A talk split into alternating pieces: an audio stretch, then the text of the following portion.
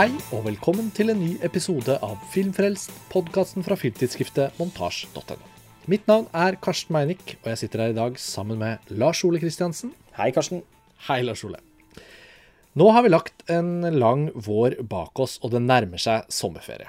Og i denne episoden så har vi blitt enige om at vi har lyst til å ta en kikk på det som skjer på cinemateker rundt omkring i Norge nå på forsommeren, like før ferien kicker inn.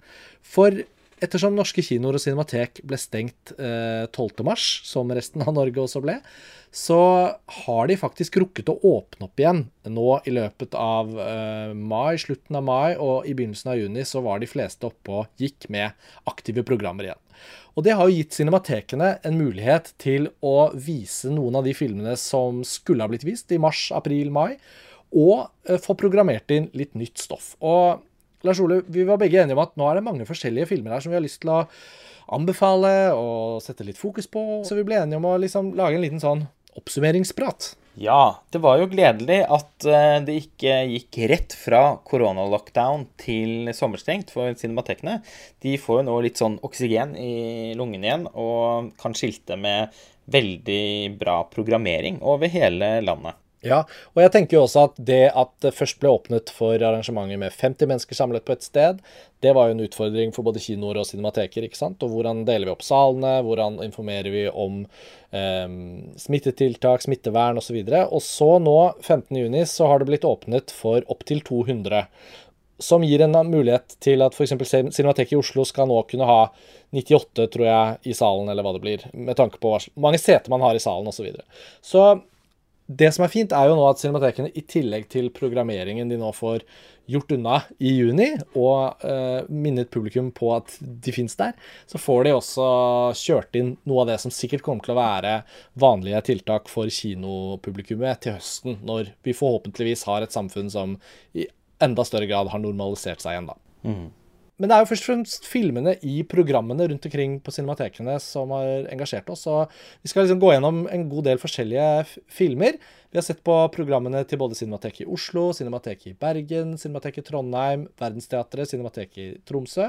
Og det er også de digitale cinematekene rundt omkring i landet, altså Lillehammer, Kristiansand, Stavanger. Så ja, hvor skal vi begynne? Jeg tenker at vi kan begynne med Lina Wertmüllers 'Love and Anarchy' fra 1973. Den blir jo vist eh, på de digitale cinematekene over hele landet og mm. eh, fortjener å bli sett. Vi eh, programmerte jo også filmen som en del av vår eh, virtuelle Cannes-festival.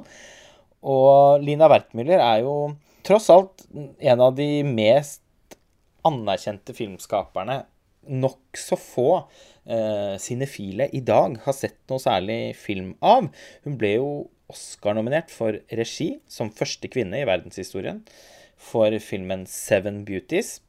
Men mange vil hevde, og det er en veldig god film, men uh, mange vil hevde at denne Love and Anarchy på sett og vis uh, er et slags sånn hovedverk i filmografien hennes. Og Hun debuterte vel i 1963, tror jeg det var, uh, etter å ha vært assistent for Felini i mange år. Og hun uh, benyttet seg også da av, av, en del av de kontaktene og sånt som hun hadde fått gjennom samarbeidet med Felini. Og hun har et veldig sånn virtuost, muskuløst filmuttrykk som nok også da var et resultat av at hun ikke hadde noen sånn Eh, veldig trang vei inn i, i, italiensk eh, filmproduksjon. At hun ganske raskt ble ansett for å være et, eh, et, talent. Man kan jo kanskje til og med si at hun hadde fått liksom verifisert talentet sitt før hun begynte å lage Altså, hun selv ble regissør. Hun lever jo fortsatt. Hun er 91 år gammel. Jeg har lest meg litt opp nå, for det er jo flesteparten av filmene hennes har jeg jo ikke sett. Eh, men det er, det er, fascinerende med noen av disse figurene som på en eller annen måte eksisterer Når man først setter seg inn i dem, så, også, så er det så lett å se hvordan, hvordan hun har eksistert der hele tiden inn i den italienske filmhistorien med mange av disse navnene som vi kjenner til, og denne berømte plassen hun har i filmhistorien som første kvinnelige Oscar-nominerte for beste regi, som du nevnte. Mm. Og når man da begynner å se, så er det jo også veldig gøy å oppdage at hun, hun har jo også en helt særegen stil hvor hun Syns jeg i hvert fall, vi, Når vi begynner å snakke om Love and Anarchy nå, så, så, merker jeg jo også at noe av det freshe i den filmen som var sånn wow, det var jo hvordan hun klarte å kombinere et veldig sånn politisk alvor med denne liksom burleske, eh, levende humoren og, og, og litt sånn livsgnisten som jeg syns den filmen preges veldig av, til tross for det alvorlige temaet. da. Og jeg vet ikke liksom akkurat hva som er det mest sånn Felini-eske, hvis man sier at han har vært en slags mentor for henne, men det slo meg at filmen var en veldig sånn eget, hadde en veldig sånn eget autørtrekk, Ja. som da åpenbart er Lina Wertmuller. Ja, hun er jo da kjent for å ha sånn sex and politics eh, i fortellingene sine. Og dette er jo en film fylt av ideer og overskudd. Eh, handler om en anarkist som drar til eh, Roma, i utgangspunktet da for å henrette Mussolini. Og eh, mens han venter på at kysten blir klar, så oppholder han seg da på et bordell der en slektning av han eh, jobber. Og så forelsker han seg hodestups i en av de som jobber der. Eh, En, en, av- en av de andre som, eh, som jobber der. Og så det blir liksom også en, en, en kjærlighetshistorie hvor han da er nødt til å velge. Da blir eh, det plutselig ikke så opplagt for han eh, lenger at han er nødt til å ofre seg for sin sak. Ja, det er veldig bra premiss. Og hun er jo også utrolig god til å bruke både Roma og ikke minst dette utrolige bordellet, som ser ut til å være en sånn bygning som aldri tar slutt. Han går liksom opp trapper, inn rom, inn etasje Det er en sånn fantastisk sånn utbrettbart produksjonsdesign som, eh, som puster og gir filmen veldig mye, da. Samtidig så er det mange eksteriørscener rundt omkring i Roma som gjør filmen Den fremstår ganske sånn storslått etter hvert også, som jeg hadde veldig sansen for. Men dette premisset også om den eh, bondegutten, på en måte, da, som pga. av at en god venn av ham har blitt henrettet, og at denne vennen egentlig skulle reise til Roma for å henrette Mussolini, så har han også plukket opp liksom hansken på vegne av en av sine beste venner. Han føler seg forpliktet, ikke bare av saken, men også av en personlig motivasjon. Um, og jeg syns denne drivkraften Hovedpersonen er spilt av han eh, Giancarlo Giannini. Og en av grunnene til at vi programmerte den til den alternative Cannes-festivalen, i tillegg til at vi hadde veldig lyst til å se den, og det var en av disse Wertmüller-filmene vi hadde hørt mye om, det var jo også det at den, den var nominert til Gullpalmen i 1973, og Giannini vant jo prisen for beste skuespiller. Han gjør en liksom fantastisk innsats her. Jeg så han første gang i Ridley Scotts Hannibal. Av en eller annen utrolig grunn så er den filmen jeg forbinder ham med. Det er jo en litt sånn eldre italiensk mann. Men han er veldig bra her. Han er kjempegod. Uh, Han ble også Oscar-nominert uh, senere for Nettopp, den. Seven Beauties, som jeg nevnte i Ja. stad. Uh, Og det er noe med hans det, Filmen diskuterer liksom på, på en På en smart måte fascismens utsletting av følelser. Og hvordan han også i, da, i sin anarkistiske posisjon nærmest står i fare for å bli, eh, tross alt da, eh, gjøre noe av det samme med seg selv. Altså, han blir jo selvutslettende i situasjonen eh, hvor det egentlig tross alt blir ganske åpenbart for han at han ikke kan gjøre dette her, fordi han er i ferd med å finne det som kanskje kan være hans livs kjærlighet. Så den Jeg syns det er veldig imponerende hvordan hun sjonglerer et eksistensielt drama med en underholdende kjærlighetsintrige og en slags politisk thriller. Og det her er litt sånn gjøglete og som du sa, burleske uttrykket som Ja, typisk sett her selvfølgelig noe man forbinder med Fellini, men egentlig italiensk film eh, generelt. altså Ettore for eksempel, er også en eh, referanse her. Så, som også gjør at filmen har noe sånn underholdende, publikumsvennlig på en måte, men samtidig med sånn kjempekunstnerisk integritet, holdt jeg på å si. Altså, Wertmüllers eh, visjon er på sett og vis også ganske kompromissløs. Og det er så mange detaljer her man kan eh, sitte og bare isolert sett glede seg over. Fantastisk herlige kostymer, kjempekult produksjonsdesign, veldig bra foto av Giuseppe Rotunno. Det er musikk av Nino Rota. Eh, Det er en helt sånn utrolig sekvens hvor de ansatte på bordell, eh, bordellet, eller de prostituerte, da, skal vise seg fram for kundene, som varer ganske lenge, og som er nesten som en sånn liten film en, inni filmen, som en liten kabaret. Ja, det er sånn butikken åpner-aktig sekvens, hvor liksom alle har våknet og liksom gjør seg klare. Eh, og det interessante i tillegg, bare den sekvensen er et godt eksempel, Lars Ole, er jo at fordi man vet at Lina Wertmüller er regissøren her, så leser man jo inn et mye mer sånn sjenerøst blikk i hvordan hun da skildrer et bordell og de prostituerte og kvinnene i denne. Men samtidig, hvis eksakt den samme filmen hadde stått foran oss, og det var en av disse kanskje litt mer sånn maskuline, brautende italienske mesterregissørene som har skildret et bordell på eksakt samme måten, så tror jeg man kanskje kunne lest den av som en litt sånn hm, ja, det var da veldig til fokus på disse prostituerte kvinnene som løper rundt mer eller mindre påkledd.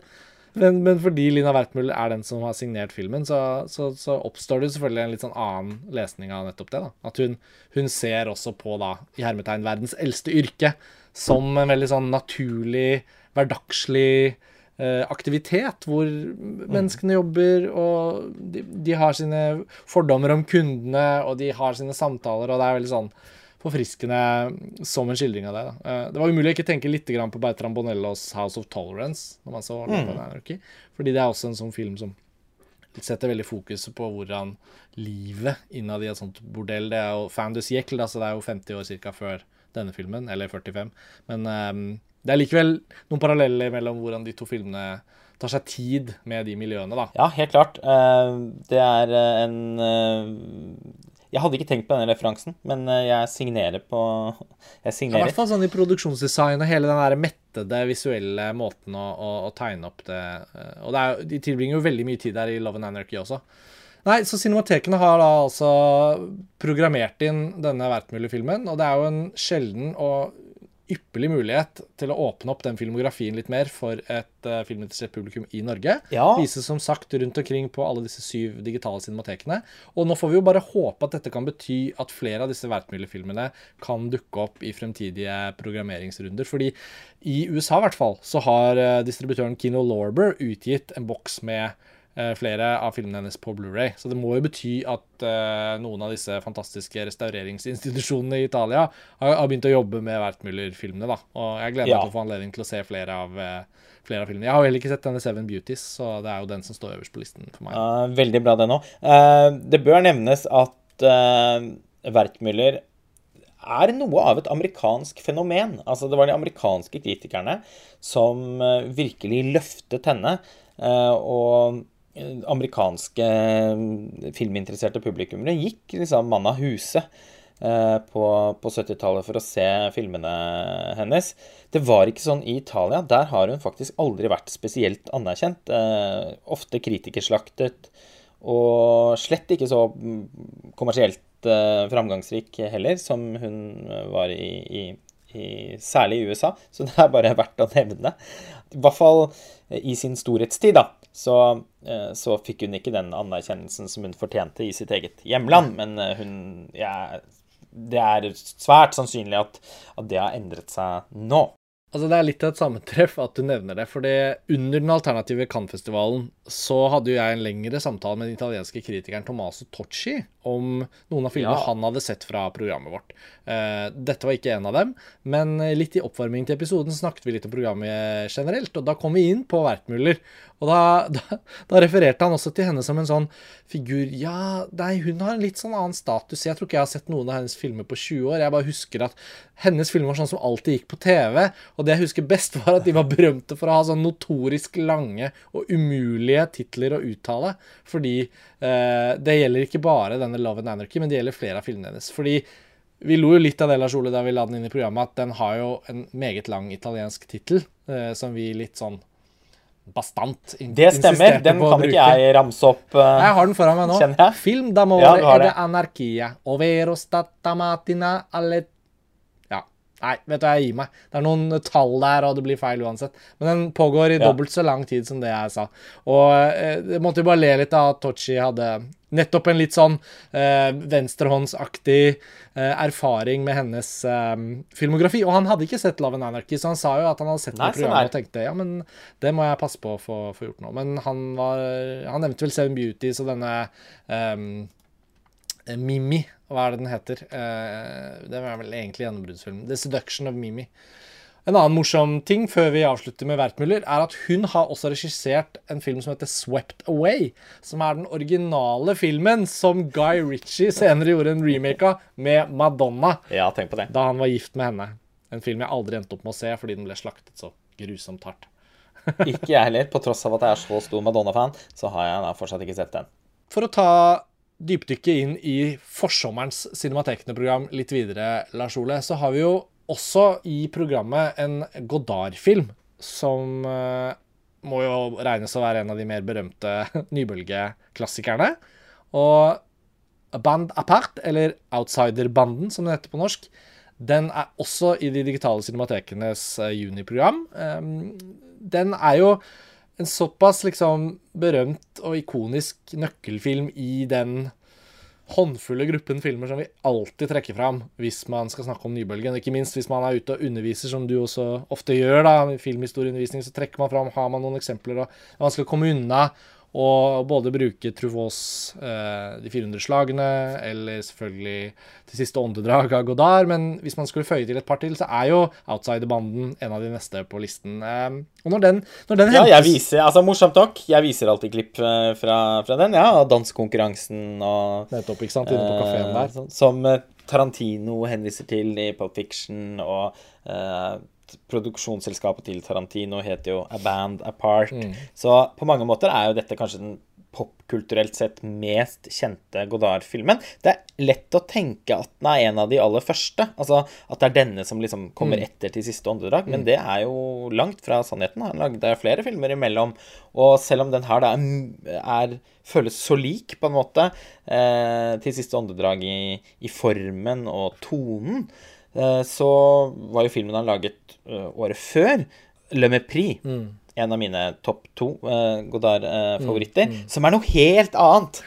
som, uh, som, som, som, står i kjempekontrast til Det, det er egentlig bare det er bare Det bare sier noe om hvilket kreativt Altså hvor mye kreativitet og filmskaper energi og hvilken kunstnerisk raptus Eh, Godard eh, gikk gjennom i den perioden her. Det er helt eh, når, man sitter og ser listen over filmer, så man, mister man jo pusten.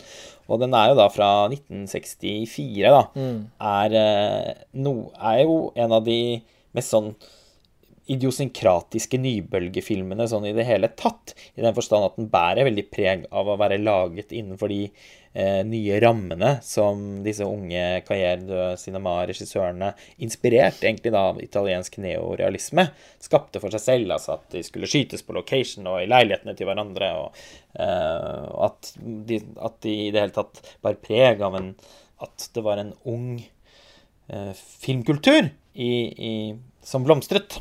Og så er det jo verdt å merke seg at dette er jo en av de filmene til Godard som har Anna Karina i hovedrollen, eller en av hovedrollene. Og hun gikk jo bort eh, like før jul.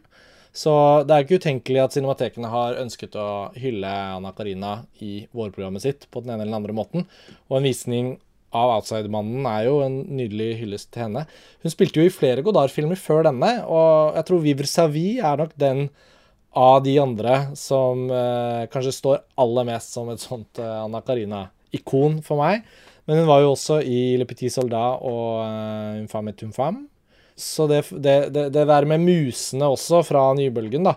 Um, mange av disse skuespillerne som, som, var så ikoniske. Og det er jo særlig henne, føler jeg man husker fra denne filmen, fordi i motsetning til Jean-Paul Belmondo, som selvfølgelig i de, siste åndedrag, og Pierrot Le Fou Det er jo liksom likevel her at det er Anna Karina som litt sånn står frem i forhold til de to guttene. Når man tenker på en Jean-Luc Godard-film, eh, så er det jo henne man ser. Mm. Og den Vivre Savi, som du nevnte i stad, fra 1962, det er da den aller beste filmen hans, syns jeg. Det er den og Le Mépris eh, er helt men, men Vivre Savi tross alt min nummer én Godard-film.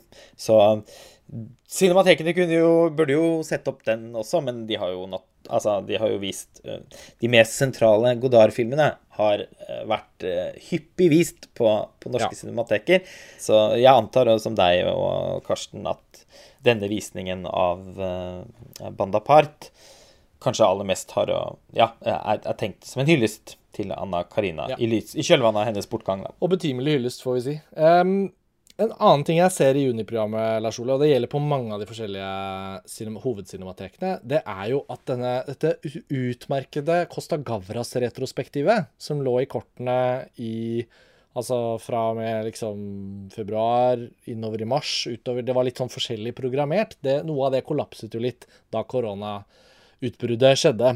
Og Costa Gavras var jo til og med på besøk i Trondheim eh, under Kosmorama. Og presenterte da bl.a. visning av 'Sovevognsmordet'. Men nå har da både Cinemateket i Bergen og Cinemateket i Oslo hentet fram igjen noen av disse Costa Gavras-filmene, fordi de var jo ikke helt vist ferdig, dette retrospektet. Og det er jo noe jeg føler vi kan trekke litt fram nå. For det er jo en filmskaper Hvis noen av lytterne ikke føler de har sett noen Costa Gavras-filmer, så er jo dette en glimrende anledning. Ja, virkelig. Og den uh, The Confession, som uh, vises uh, bl.a. i Oslo mm. Vi kan ikke ramse opp alle tidspunktene og sånn, tenker jeg, i episoden, men publikum oppfordres jo da åpenbart det vises flere ganger. Så gå og sjekke ut programmet på ditt lokale cinematek. ja. ja. Den er i hvert fall helt fantastisk. Den har den samme liksom uh, politiske sprengkraften som gjør Sett så spesiell. Tross alt hans mest uh, eh kjente og innflytelsesrike film. Mm. Og i etterkant av at vi hadde den podkasten om sovevognsmordet, og, og vi, og vi snakket om din klippelærers fascinasjon for Sett, ja. så så jeg da denne The Confession, eller Tilståelsen, som er den norske tittelen. Eh, og den var da Og så så jeg Sett på nytt igjen etter å ha sett Tilståelsen eh, mm. for første gang. Og den har da om mulig enda mer spennende og uttrykksfull klipping enn Sett. Så jeg, må insistere, Karsten, på at du benytter anledningen til å få sett uh, Tilståelsen. Ja, for jeg må, til, jeg må, tilstå at tilståelsen er en av de Costa Gavras-hullene. Den står heldigvis på hylla her. Uh, det hadde jo vært utrolig flott å få kommet seg på en cinematekevisning, så kanskje jeg ikke skal utelukke det helt. Uh, men ja. Jeg syns jo hele denne Costa Gavras-serien egentlig var veldig sånn flott å se. Hvor de, de har virkelig klinket til med et bredt program fra hans filmografi. Og for de som f.eks. ikke har sett 'Missing' da, med Jack Lemmon, så tenker jeg jo at det er jo en filmskaper som har liksom fire-fem liksom helt toppsjiktfilmer. Så, så, her er det bare å, å, kaste seg over de visningene som fins. Og med veldig, veldig, veldig høyt tempo, høy underholdningsverdi, mm. nerveintensitet Altså sånn eh, Det er umulig å ikke leve seg inn i og bli engasjert av, i en en av Costa Cabras eh, beste filmer. Jeg kjenner ennå at jeg er litt sånn nyforelsket i den uh, tilståelsen. Den var sånn Jeg satt og var helt sånn filleristet da jeg så den. En av de aller beste gamle filmene jeg har sett for første gang i år. Inkludert mange av de vi så eh, på den alternative Cannes-festivalen, så den kan jeg ikke anbefale varmt nok. Apropos Cannes, da. Ja. En av de beste filmene jeg så der i fjor, You Deserve a Lover til Hafsia Hersi, den har omsider fått uh, visninger ikke på ordinær kino, men cinemateker i Norge. Den har jo tidligere kun blitt vist på én festival, uh, BIFF. Mm. Du hadde den store gleden av å intervjue Hafsia Hersi på Skype her for bare noen dager siden, Karsten. Det har du ennå ikke fått uh, fortalt meg noe om. Ja, ja altså det var jo et fantastisk, eh, en, en, fantastisk rekke av hendelser her nå i juni. Fordi Verdensteatret i Tromsø og Vega Scene i Oslo har gått sammen om å hente inn denne filmen. Og den har hatt noen visninger allerede. Og intervjuet vårt med Hafsi Hersi kommer som en artikkel på montasje. Antageligvis samtidig omtrent med denne podkasten, så det er bare å gå inn og lese. Um, men Hafsia Hersi hun er jo da en fransk skuespillerinne som har gjort dypt inntrykk på oss, ikke minst fordi hun har vært så sentral i eh, filmene til Abdelatif Keshish, regissøren av 'Blå er den varmeste fargen' og 'Mektub My Love' og Mektob Intermezzo', og ikke minst 'The Secret of the Grain' eller 'La Graine Mollet', som var Hafsi Hersis gjennombrudd. Så hennes skuespiller og tørrtrekk, får vi si, da, mm. har jo definitivt vært med oss. Dette har vi jo snakket om før, og, og dere har en nydelig episode om denne filmen på Filmfrelst da, fra Cannes-festivalen i fjor, da jeg var hjemme. Og dere så film, og det var en fantastisk eh, episode å høre, for jeg ble så glad. Ja, det husker jeg. At, uh... Ja, jeg ble så glad, og det var så gøy å være lytter til podkasten når dere satt og fortalte hvor nydelig den spillefilmdebuten hennes var. Og You Deserve a Lover, eller Tu mérite un amour, da jeg endelig så den eh, på Biff, da, på det store lerretet da de programmerte den her, så slo det meg bare hvor rett dere hadde, men også hvor personlig truffet jeg følte jeg ble av filmen. Jeg var så jeg bare syns det var så herlig å se at en ny film om kjærlighet, som det fins hundrevis, tusenvis av i filmhistorien, men det er jo ikke alltid de treffer på en så intim og personlig måte som jeg syns denne filmen gjør. Og den er laget med en sånn letthet og flyt samtidig som den er personlig og nær, som gjør at jeg tror egentlig den, den vil korrespondere med et ganske bredt publikum. Og Derfor har det vært så stor skuffelse at verken norske festivaler, utenom BIFF, da, og ingen norske distributører har vist interesse for filmen. Jeg syns det er utrolig rart. Ja, og det er en viktig og veldig god anledning til å se den nå som den har vært programmert i Oslo og Tromsø. Og så får vi bare håpe at ikke det slutter med det. Denne filmen kan fortsatt nå et større publikum. Og da det ble lagt til rette for at man kunne faktisk få til et intervju med henne, da slo vi jo til på det. Og det måtte skje på Skype, og det måtte skje med tolk. Og Chloé Faulkner, som nå har vært med på Filmfrelst i flere episoder denne våren, hun er jo opprinnelig fransk og er jo kjempegod i norsk og jobber i Filmklubbforbundet, som kjent. Hun stilte opp pro forma som tolk, og det var bare Det var en veldig rørende og fin liten session.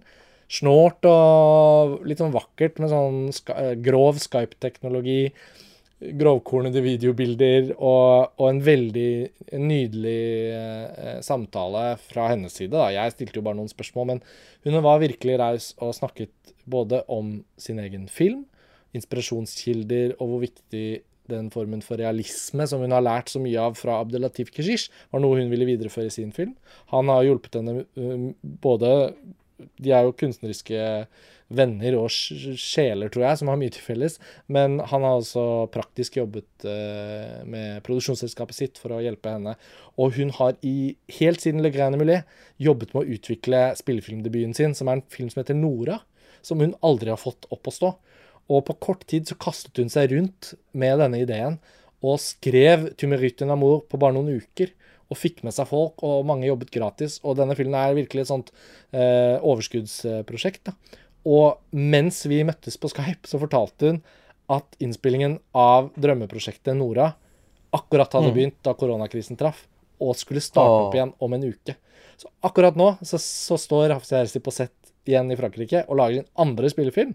Og det fremkommer også da i intervjuet, men jeg tenkte jeg kunne dele det her på podkasten. Og jeg føler kanskje vi skulle la lytterne få høre litt uh, på Hafsi Hersi, da, som snakker fransk. Selv om vi ikke kan bruke det på podkasten, for det går ikke an å gjøre noen sånn lydoversettelse, føler jeg, som fungerer. Så kan dere høre litt, høre litt av det hun forteller om samarbeidet sitt med Abdelatif Kishish her.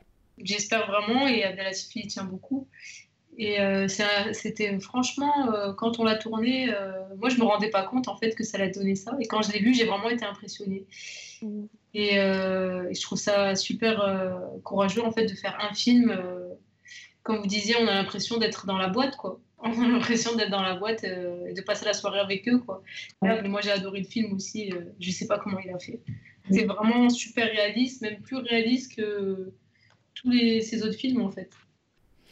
Her forteller hun litt om hvor stolt hun er av Abdelatif siste film, 'Mektub Intermezzo'.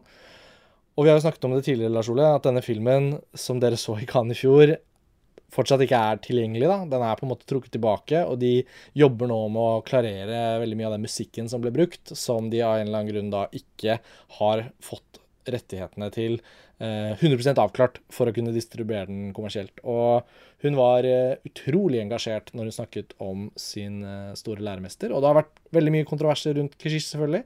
Men for de av oss som er så glad i hans filmer, så er det jo veldig oppløftende å se og høre hvor, hvor lidenskapelig Hersi snakker om sin nære venn og kollega Keshish. Så mer av det i intervjuet som dere kan lese om på montasje. Og så er jo You Deserve a Lover da endelig vist litt ordentlig da, i Norge nå i juni. Og så får vi bare håpe at uh, det ikke blir siste gang. Jeg må bare si det en gang til. Jeg håper noen som lytter, som kanskje jobber med filmdistribusjon, kunne tatt seg en runde til med den filmen hvis de så den i Cannes en slitsom morgen og trodde det ikke var noe særlig for dem. Fordi dette er en film som jeg virkelig føler at uh, det norske publikum, alle de som er nysgjerrige, fortjener å se. Ung, spennende, ny, kvinnelig fransk regissør, Hafsi Hersi, også skuespiller.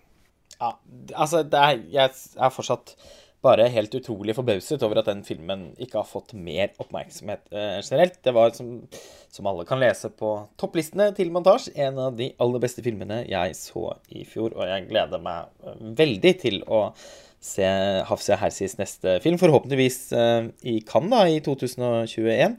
Avslutningsvis så tenker jeg vi bare raskt kan nevne noen andre ting som vises på noen andre titler, som ja. vises på cinematekene uh, fram mot uh, juli, hvor, eh, hvor, det blir sommerstengt. Vi kan jo bare slenge det litt frem og tilbake, noe av det du har sett som du har merket deg, og så kan jeg slenge ut noe, og så kan vi jo se om det blir en liten gruppe filmer vi anbefaler her på slutten.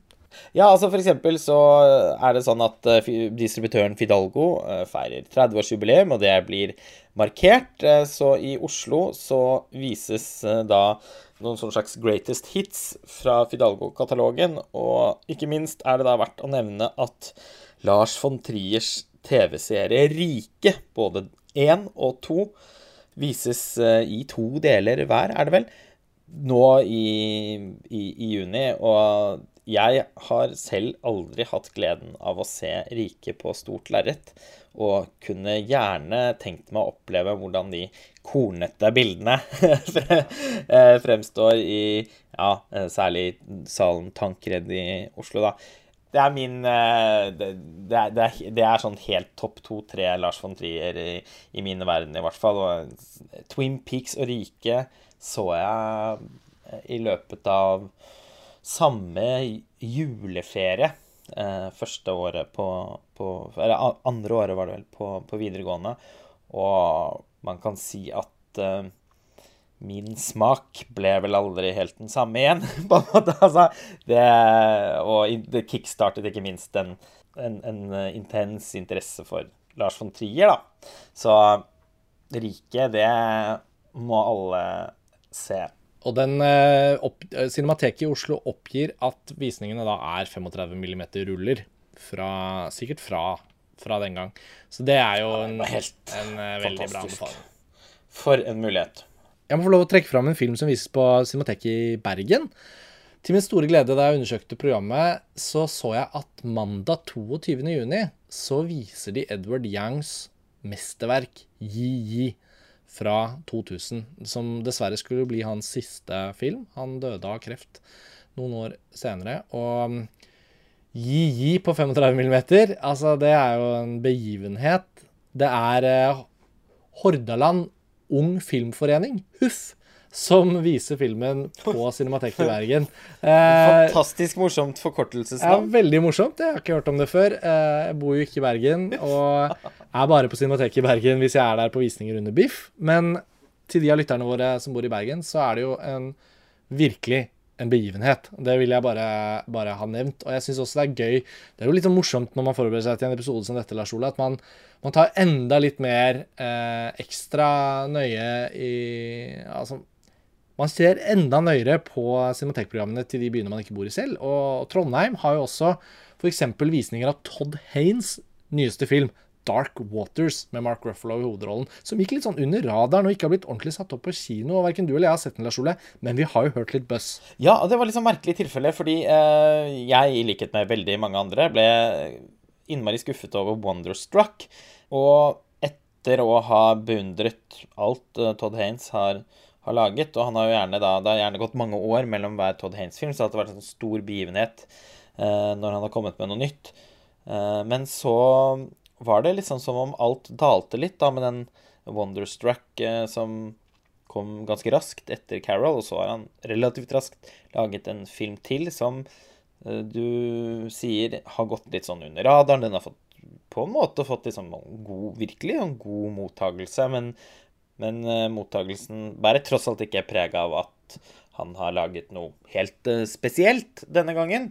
Og faktisk så var det noe et eller annet med denne kombinasjonen av skuffelsen uh, med Wonderstruck og fornemmelsen av at Dark Waters da på en måte var litt sånn Ble det nesten en sånn direkte på video-produksjon. Altså, den uh, fikk i hvert fall et veldig kort liv på, på kino i USA. Dette var før koronaen.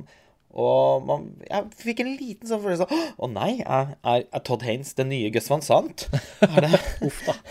Men så har jeg fått høre fra uh, sikre kilder, det vil si venner, kolleger som jeg stoler på, at filmen er kjempegod.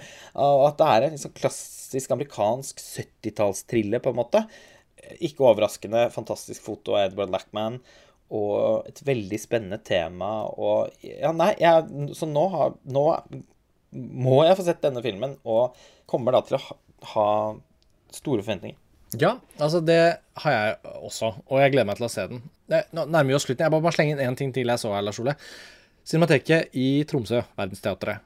Der skal de faktisk kjøre en liten Felini-serie på 35 mm.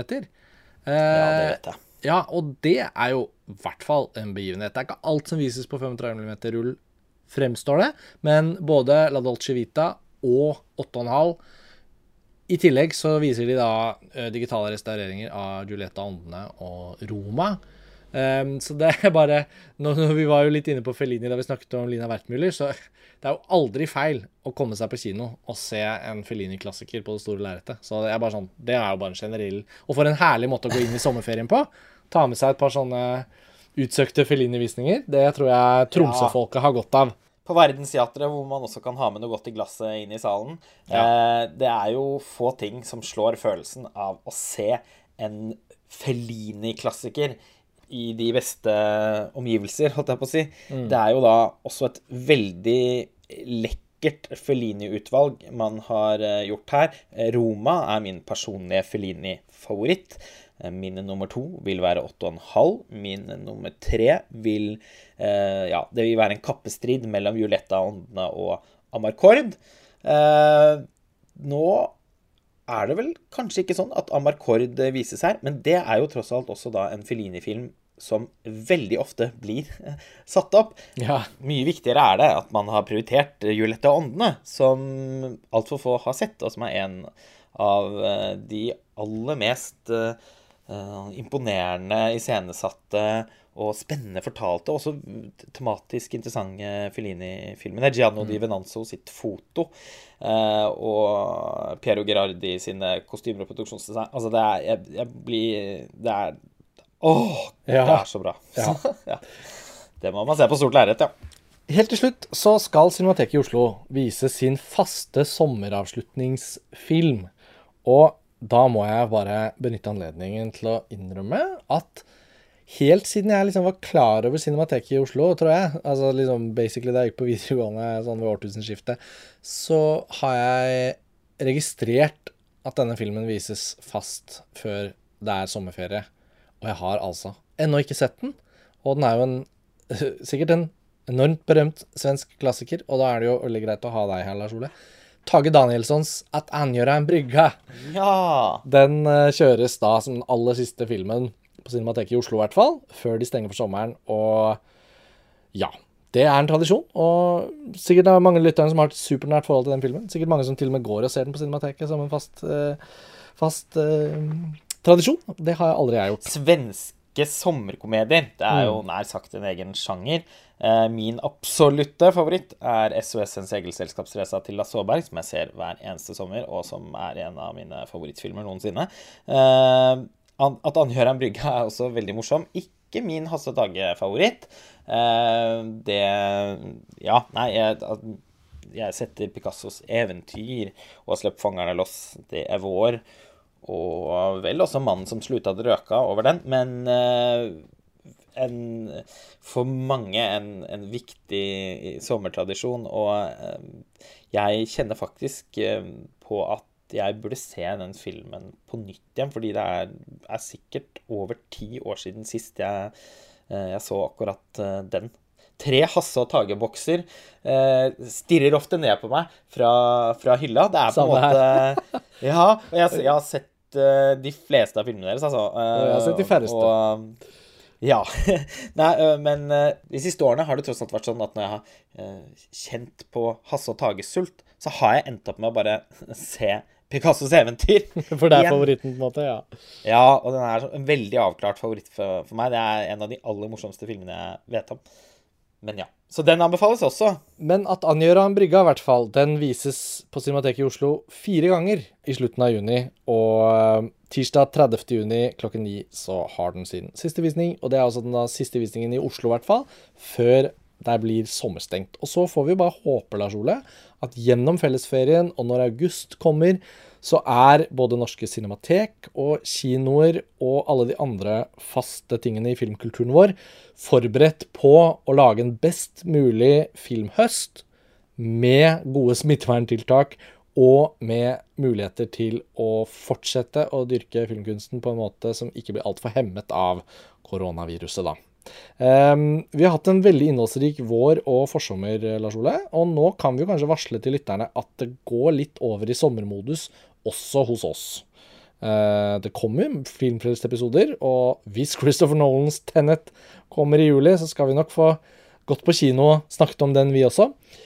Men uh, vi kan vel da kort bare oppsummere til lytterne at det har vært uh, veldig, veldig gøy å lage podkastepisoder denne våren. Det er alltid det, men vi har hatt vi har hatt en sånn spesielt uh, spennende periode, vi også, i denne utfordringen som koronakrisen har bydd på. Og vi er utrolig takknemlige for all den oppslutningen og interessen fra dere lyttere til hva vi har holdt på med. Uh, vi har jo fått veldig mange nye lyttere også, så det har vært ekstra gøy. Og vi håper alle dere som hører på, fortsetter å høre på Filmfrelst. Og hvis dere kjenner noen som trenger en podkast å høre på gjennom sommeren, som aldri har hørt om Filmfrelst, så kan dere jo tipse dem om alle våre 400 og noen episoder som ligger her i iTunes og Spotify og hvor du hører på podkaster. Så er det noe avsluttende du har lyst til å si, Lars Ole, før vi drar episoden i mål?